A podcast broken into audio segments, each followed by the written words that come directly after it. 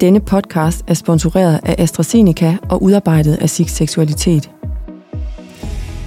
Du lytter til Når Kraft rammer seksualiteten, en podcastserie om kraft, seksualitet og sygepleje.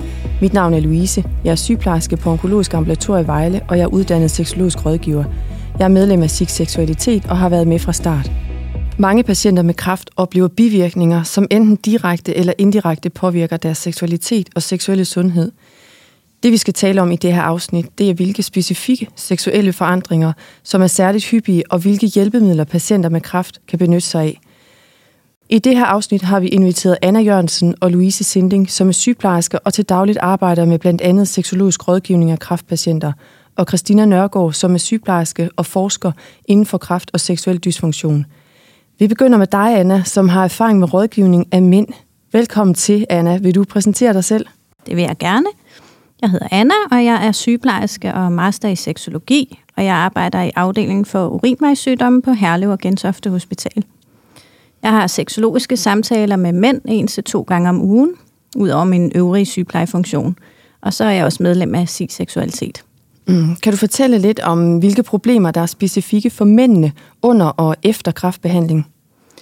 Ja, altså, der er jo en hel del forskellige seksuelle bivirkninger ved sygdom og behandling. Men det er meget forskelligt, hvor meget de her bivirkninger fylder for den enkelte mand. En del af bivirkningerne optræder forbigående, og så kalder vi det et problem. Men hvis problemet er mere permanent, så kaldes det en dysfunktion. Der er mange seksuelle problemer og dysfunktioner, og øh, der kan have multiple årsager, og det kan være svært at skelne de her årsager fra hinanden. Derfor er det også vigtigt, at både patient og sygeplejerske forsøger at anskue problemet og løsninger fra en biopsykosocial synsvinkel. Når vi taler om mænds seksuelle bivirkninger, så kan der som hos kvinderne opstå bivirkninger ved forskellige typer af kræft eller kræftbehandling. Og de seksuelle bivirkninger, som mænd kan opleve, det kommer an på deres sygdom, og nok specielt på behandlingen, som for eksempel kan være operationer, eller kemoterapi, eller strålebehandling, eller antihormonbehandling. Mm. Og hvilke bivirkninger kan der opstå ved de behandlinger, som du nævner her? Jamen, hvis vi skal starte et sted, så kunne det for eksempel være nedsat lyst, øh, og det kan der være mange årsager til. Øh, fysiologisk så kan der eksempelvis være tale om antihormonbehandling. Det er også helt almindeligt, at seksualiteten og lysten ligesom tilsidesættes i en periode, hvor at overskuddet er forbeholdt det at komme igennem et sygdomsforløb og en behandling. Så på et tidspunkt, når man igen forhåbentlig får noget overskud, så kan det være, at lysten til intimitet og sex igen melder sig, og så kan det være, at han oplever, at behandlingen har givet nogle fysiske bivirkninger. Alt efter behandling, så kan der opstå for eksempel erektil dysfunktion, orgasmeændringer, problemer med ejakulation, der kan opstå ændring af følesansen på penis, man kan opleve, at penis bliver mindre, og man kan også få lukket øh, rektum. Der er også nogle mænd, der oplever smerter i forbindelse med enten erektion eller ejakulation. Og alle de her tilstande, de kan opstå på grund af selve sygdommen eller behandlingen. Og de kan også forværres af psykologiske eller relationelle årsager. Mm. Tak, Anna. Nu vender vi blikket kort på, øh, hvordan kraftbehandling kan påvirke seksualiteten hos kvinderne. Og så siger vi velkommen til dig, Louise. Tak fordi du vil komme. Du har erfaring med seksologisk rådgivning øh, og mest med kvinder. Vil du præsentere dig selv kort? Ja, det vil jeg. Hej, jeg hedder Louise, og jeg er sygeplejerske på ambulatoriet for brystkræft på Herlev og Gentofte Hospital hvor jeg blandt andet rådgiver kvinder om seksualitet. Og her i sommer 23 bliver jeg færdig med en master i seksologi, og så er jeg også medlem af Sex Seksualitet. Mm. Kan du fortælle lidt om, hvilke problemer kvinderne kan opleve, når de gennemgår et kraftbehandlingsforløb? Ja, ligesom Anna fortalte om mændene, så kommer det jo meget an på, hvilken sygdom og hvilken behandling kvinderne gennemgår. Det er meget forskelligt, hvad de får bivirkninger. Det er også meget forskelligt, hvordan bivirkningerne påvirker seksualiteten hos den enkelte kvinde.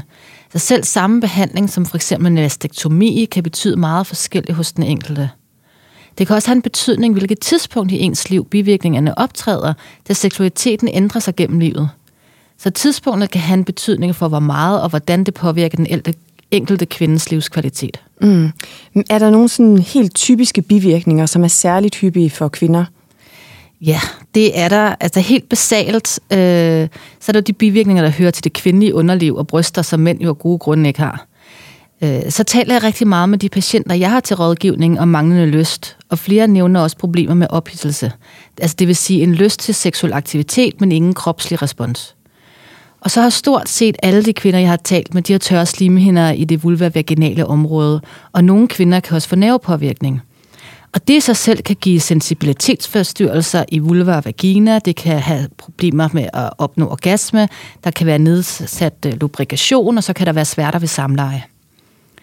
Dernæst så kan mange typer af, der forskellige typer af operationer og strålebehandling af bækken og underliv føre til en forkortet vagina eller vaginisme, som er den her ufrivillige spænding af vagina og bækkenbunden. Og alle de her fysiske bivirkninger, de kan så manifestere sig psykisk eller relationelt. For eksempel så kan smerter ved samleje påvirke relationen til partneren, eller også omvendt, altså psykiske bivirkninger som nedsat body image, de kan manifestere sig fysisk, som for eksempel ophidselsesproblemer. Mm. Så nu har I begge fortalt lidt om de specifikke bivirkninger, men hvordan er det med fertiliteten for dem, der er i den fertile alder? Er det noget, I ved noget om? Så ja, der er jo en reel risiko for både mænd og kvinder, de bliver infertile som følge af behandlingen. Øh, og for mange patienter er risikoen for sterilitet forbundet med en kæmpe sorg. Og derfor så må facilitetsrådgivning, det må ikke overses, det skal vi tale om. Generelt set så anbefales det at undgå graviditet i op til to år efter en afsluttet behandling, dels på grund af risikoen for fostermisdannelse, men også for risikoen for tilbagefald. Mm. Ja, i forhold til mænds fertilitet, så tilbydes de, det bør de i hvert fald blive, altså alle mænd og drenge fra 15-årsalderen, de bør tilbydes nedfrysning af sæd, inden øh, de starter behandling. Sæddeponering, det bør tilbydes alle mænd, der skal gennemgå en behandling, der potentielt kan skade sædkvaliteten eller sædvejene. Og det foregår de fleste steder på afdelingen for vækst og reproduktion. Det kan være særlig udfordrende for små drenge eller mænd, som starter behandling meget hurtigt. Eller hvis de er meget syge eller har angst eller smerter, så kan man faktisk tilbyde dem det, der hedder elektroejakulation, som øh, udføres i fuld narkose. Mm for kvinderne, der er så nogen, der får gemt deres æg, øh, mens andre de får en injektion, der beskytter ægne. Denne injektion den gør så, at kvinderne går i kunstig overgangsalder med symptomer som hedeture, hjertebanken, søvnsforstyrrelser, humørsvingninger, tørre slimhinder og muskelledsmerter. Altså, hvilke kvinderne i øvrigt også gør, hvis de får bortopereret æggestokken eller får antihormonbehandling, så går de også i kunstig overgangsalder. Mm. Så hvad med bivirkninger, der ikke specifikt har noget med seksuel funktion eller kønsorganer at gøre? De kan vel også have en betydning for seksualiteten for både mænd og kvinder? Ja, det er helt rigtigt. Der findes en del bivirkninger til kræftbehandling, der kan have indirekte effekt på seksualiteten.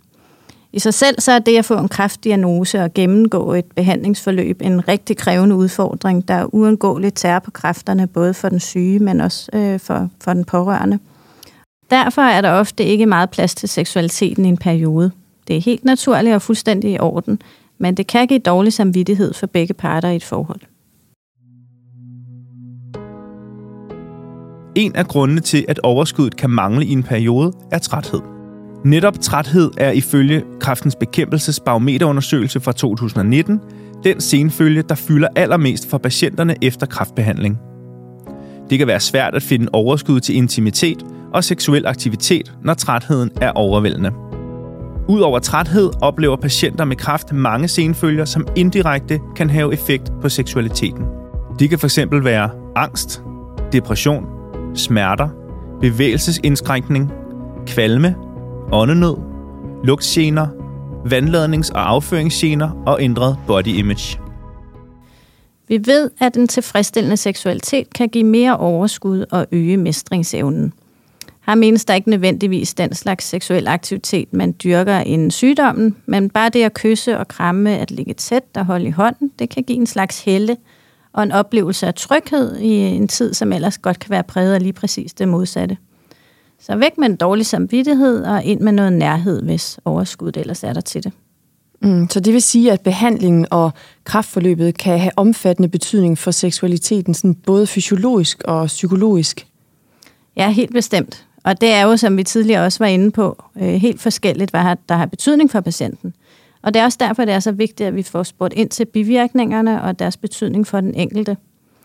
Det er jo heldigvis ikke alle patienter, hvis livskvalitet påvirkes af seksuelle bivirkninger, selvom det gælder for rigtig mange. Og det er heller ikke alle de nævnte bivirkninger, som alle vil få eller opleve som et problem. Mm. Er det altid noget, en sygeplejerske kan hjælpe med, eller er der noget, der kræver sådan ekspertviden? Sygeplejersker, der arbejder med patienter i kraftbehandling, kan relativt nemt og hurtigt sætte sig ind i de mest hyppige seksuelle problemstillinger, som mænd og kvinder oplever inden for netop deres speciale. Og med lidt erfaring, der kan vi også komme med forslag og mulige løsninger. Det er også vigtigt, at vi hjælper patienten til at få talt med en eventuel partner om problemerne. For selv par, der har kendt hinanden i rigtig mange år, er ikke altid vant til at kommunikere om seksualitet. For hvis tingene bare fungerer, så er det måske ikke noget, man tænker over. Men hvis den ene part så bliver syg, så ændrer tingene sig pludselig, og de skal måske hjælpes til at erkende, at tingene ikke nødvendigvis bliver som før. Det giver det også en mulighed for, at de kan afprøve andre sider af seksualiteten, end det de er vant til. Sex kan foregå på mange måder, og selvom en almindelig opfattelse i vores samfund er, at sex er lige med penetrativt samleje, så er det altså ikke den eneste måde at opretholde et intimliv på. Kan I prøve at give nogle eksempler på det? Ja, altså det kunne for eksempel være, at der er behov for at planlægge seksuel aktivitet, hvis der for eksempel skal benyttes hjælpemidler eller medicin. Det behøver på ikke, ingen måde at være nogen dårlige ting. Der kan parret jo nærmest gå og glæde sig lidt til det her kryds, de har sat i kalenderen. Og samtidig så bliver det, som jeg godt kan lide at kalde dagligdags intimitet, altså det at holde i hånd og kysse og sidde tæt sammen i sofaen, så bliver det lidt nemmere, fordi at begge parter ved, at det ikke skal opfattes som noget oplæg til sex, fordi det skal jo først være på onsdag. Mm. Det kunne også være, at seksuel aktivitet skal foregå andre steder end lige i sengen, selvom det var det, man var vant til. Det kan være en mand, der har fået fjernet sin prostata. Øh, det kan være, at han kommer til at lide af inkontinens, og så kan det være en idé at flytte sexlivet ud under bruseren, enten i en periode eller for længere tid, eller i badekarret, eller hvad man nu har mulighed for. Okay. Så hvordan er det med hjælpemidler? Hvordan kan patienten benytte dem? Vil du ikke sige lidt om, hvilke muligheder mænd har i forhold til, til hjælpemidler, Anna? Uha, jo, det kan blive en lang snak, Louise. Men jeg skal lige prøve at starte sted. Altså, mænd kan for eksempel, som vi kender det fra kvinderne, også opleve at få tørre slimhinder, øh, der hvor de slimhinder de nu findes. Det kan for eksempel give gener i endetarmen, eller i urinrøret, eller omkring munden. Og så må manden prøve sig frem med nogle forskellige cremer, for eksempel mandenolie eller intimcreme.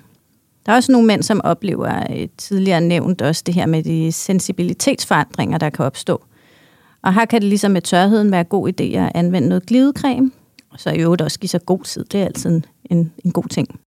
Og så er der alt det her med rejsningsbesvær, som er en rigtig hyppig bivirkning til kræftbehandling. Det er et omfattende emne, fordi der er mange årsager, men der er heldigvis også mange behandlingsmuligheder. Det første, man tænker på, det vil jo være tabletter, øh, og det er lidt den nemmeste løsning. Der findes mange forskellige typer tabletter, og nogle gange så må manden simpelthen prøve sig frem, både i forhold til effekter og bivirkninger. For nogen så kan en penispumpe og en penisring være en løsning. Der skal sygeplejersken lige huske at gøre opmærksom på, at den kan bevilges gratis som hjælpemiddel gennem kommunen, for den er nemlig ret dyr. Et par tusind kroner, øh, hvis det skal være en ordentlig en, og det skal det være. Der skal også benyttes en penisring sammen med sådan en penispumpe der, for ellers så forsvinder blodet bare fra penis igen, når man har fået pumpet blodet derud. Og den ring, den må højst sidde i cirka 20 minutter, fordi den stopper også for blodtilførselen. Mm, det går ikke. Nej, det gør det ikke. Men jeg har endnu ikke hørt om nogen, der er faldet i søvn med sådan en penisring på. Men til gengæld så kommer der faktisk af til mænd på vores skadestue, som har brugt ting fra køkkenskuffen til at sætte rundt om penisruden. Øh, og så er det lidt noget skidt, når at de kan få den af igen. Så køb noget, der faktisk er beregnet til formålet, og pris og kvalitet hænger sammen, og vi skal huske, at der kan søges et økonomisk tilskud. Lige præcis. Ja, men det er jo ikke kun det, man kan gøre for rejsningen, fordi hvis øh, tabletterne eller pumpen ikke virker, eller at man en eller anden årsag ikke ønsker at bruge det, så kan man lære at bruge injektioner i penis. Det er sådan noget medicin, som er uafhængig af nervebanerne, modsat tabletterne. Og de injektioner, de skal bruges hver gang manden han vil have rejsning. Øh, for de allerfleste, så gør det faktisk ikke ondt at stikke sig, og det er ret nemt at lære det her. Medicinen virker efter cirka et kvarters tid, og effekten den varer lige så længe, som der er medicin i penis. Som regel en times tid. En langvarig og smertefuld reaktion, det vi også kalder priapisme, det kan være en bivirkning, og den er mange bekymrede for, men det er altså utrolig sjældent, at det sker. Så findes der også noget andet medicin, som man kan indføre i urinrøret. Det er noget mindre potent end injektionerne, fordi det først skal trænge igennem urinrøret for at trænge ud i svulmelamerne.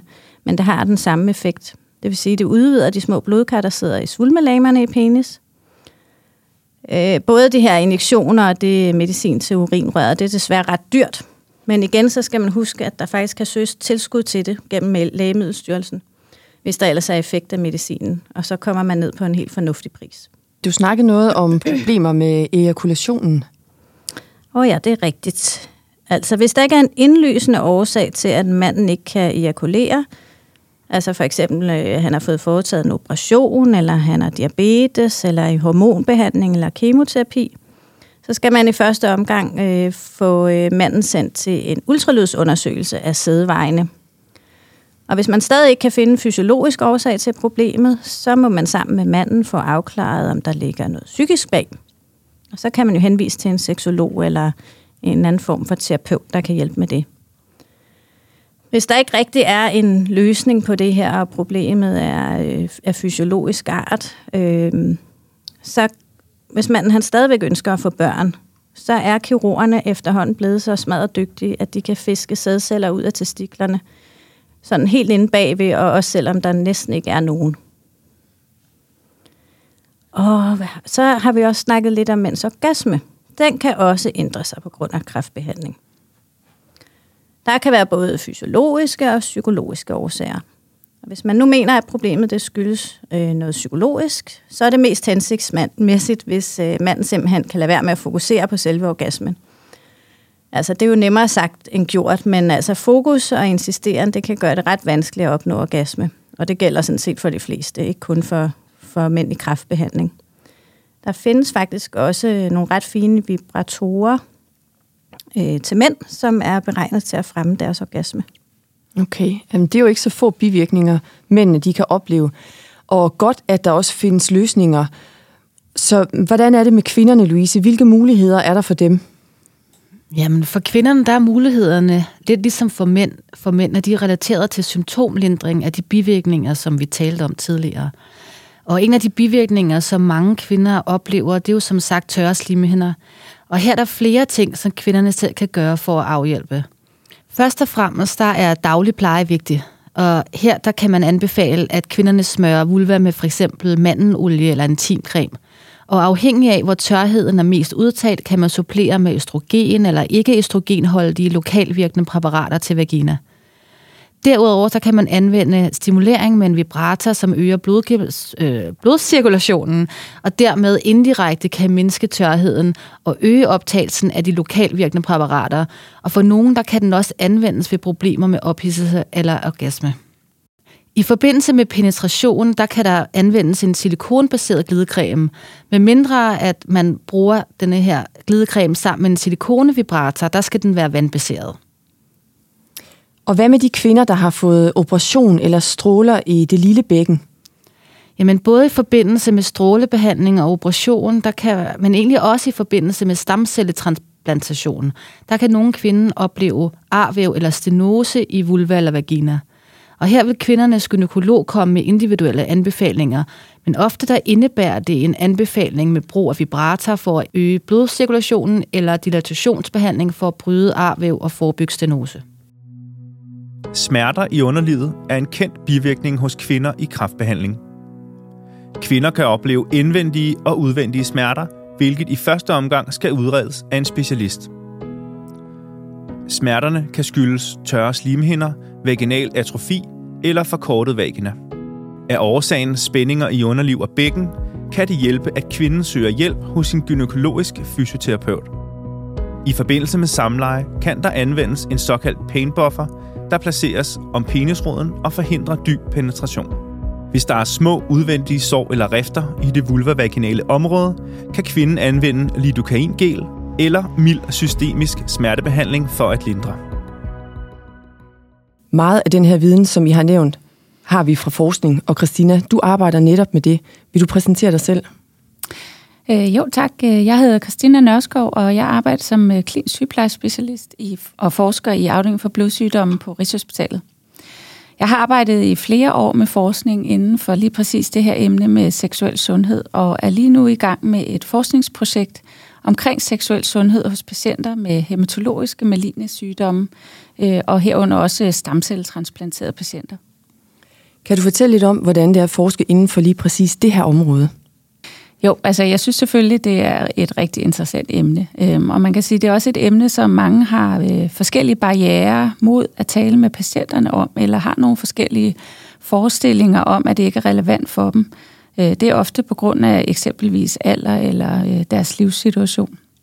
Jeg har også mange gange øh, til en start mødt modstand eller manglende tro øh, fra de sundhedsprofessionelle øh, på, at patienterne rent faktisk ønskede at deltage i forskning, som vedrørte øh, det her emne.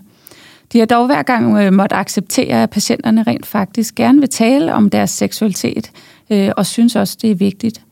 Øh, og deres fordomme i forhold til alder og livssituation, det er også hver gang blevet modbevist i forhold til deres deltagelse i, i de projekter, jeg har været involveret i. Hmm. Kan du fortælle lidt mere om det projekt, som du har gang i lige nu? Jo, altså øh, overordnet set, så ved vi, at patienter med maligne sygdomme i blodet, de oplever en høj symptombyrde, altså har mange symptomer øh, i længere perioder øh, i deres behandlingsforløb i forhold til andre kræftpatienter. Samtidig er der øh, meget øh, få studier, som har undersøgt øh, deres seksuelle sundhed, så vi ved i virkeligheden meget lidt omkring øh, graden og typen og hyppigheden af seksuel dysfunktion hos øh, den her gruppe af patienter. Det projekt, jeg har øh, gang i, det øh, ene af dem har til formål at undersøge den øh, seksuelle sundhedstilstand øh, hos et udsnit af patienter i Danmark med kræft i blodet. Øh, og det vil vi gøre ved at udsende et spørgeskema øh, via patienternes e-boks, som omhandler deres seksuel funktion, deres seksuelle bekymringer, deres livskvalitet og så selvfølgelig også deres symptomer. Øhm, derudover så er der en helt særlig gruppe af patienter med maligne blodsygdomme, som led i deres behandling gennemgår øh, noget, der hedder en stamcelletransplantation. De patienter de er i en helt særlig risiko for at opleve seksuel dysfunktion som følge af den behandling. Og derfor øh, består det andet projekt af, at vi gerne vil undersøge gennemførbarheden og effekten af et øh, særligt tilbud, som består af sygeplejeledet seksologisk rådgivning, og så nogle systematiske undersøgelser i deres behandlingsforløb af øh, deres underliv øh, hos patienter efter deres stamcelletransplantation. Øh, det projekt det er et lodtrækningsforsøg, hvor den ene gruppe får det her omtalte tilbud, og den anden gruppe får sædvanlig pleje. Øh, formålet med det øh, er at undersøge, om dem, der modtager det her tilbud på sigt vedligeholder eller i bedste fald også får en bedre seksuel funktion. Og samtidig så vil vi også gerne undersøge, om tidlig opsporing af de forandringer, de kan opleve i deres kønsorganer, kan bidrage til den proces. Øh, det sidste projekt, jeg nævnte, det startede i maj 2022, og så der går altså desværre nogle år, før vi har resultaterne. Men det, jeg kan sige, er, at omkring 90 procent af de adspurgte, de har sagt ja til at deltage i det her forsøg, hvilket jo sig selv sender et stærkt signal om, hvor vigtigt det er at øh, tage fat i det her emne. Viden for de her studier, det vil øh, give os øh, nogle muligheder for at kunne identificere grupper af patienter med en særlig risiko for seksuel dysfunktion. Øh, og man kan også sige, at potentielt vil det også på sigt kunne føre til tilbud i klinisk praksis, som er målrettet de her specifikke grupper af patienter. Og endeligt så vil den viden også kunne styrke mulighederne for i praksis, at vi kan tage nogle øh, kliniske beslutninger vedrørende deres seksuelle sundhed, som er baseret på det bedst mulige grundlag. Tusind tak til jer alle tre.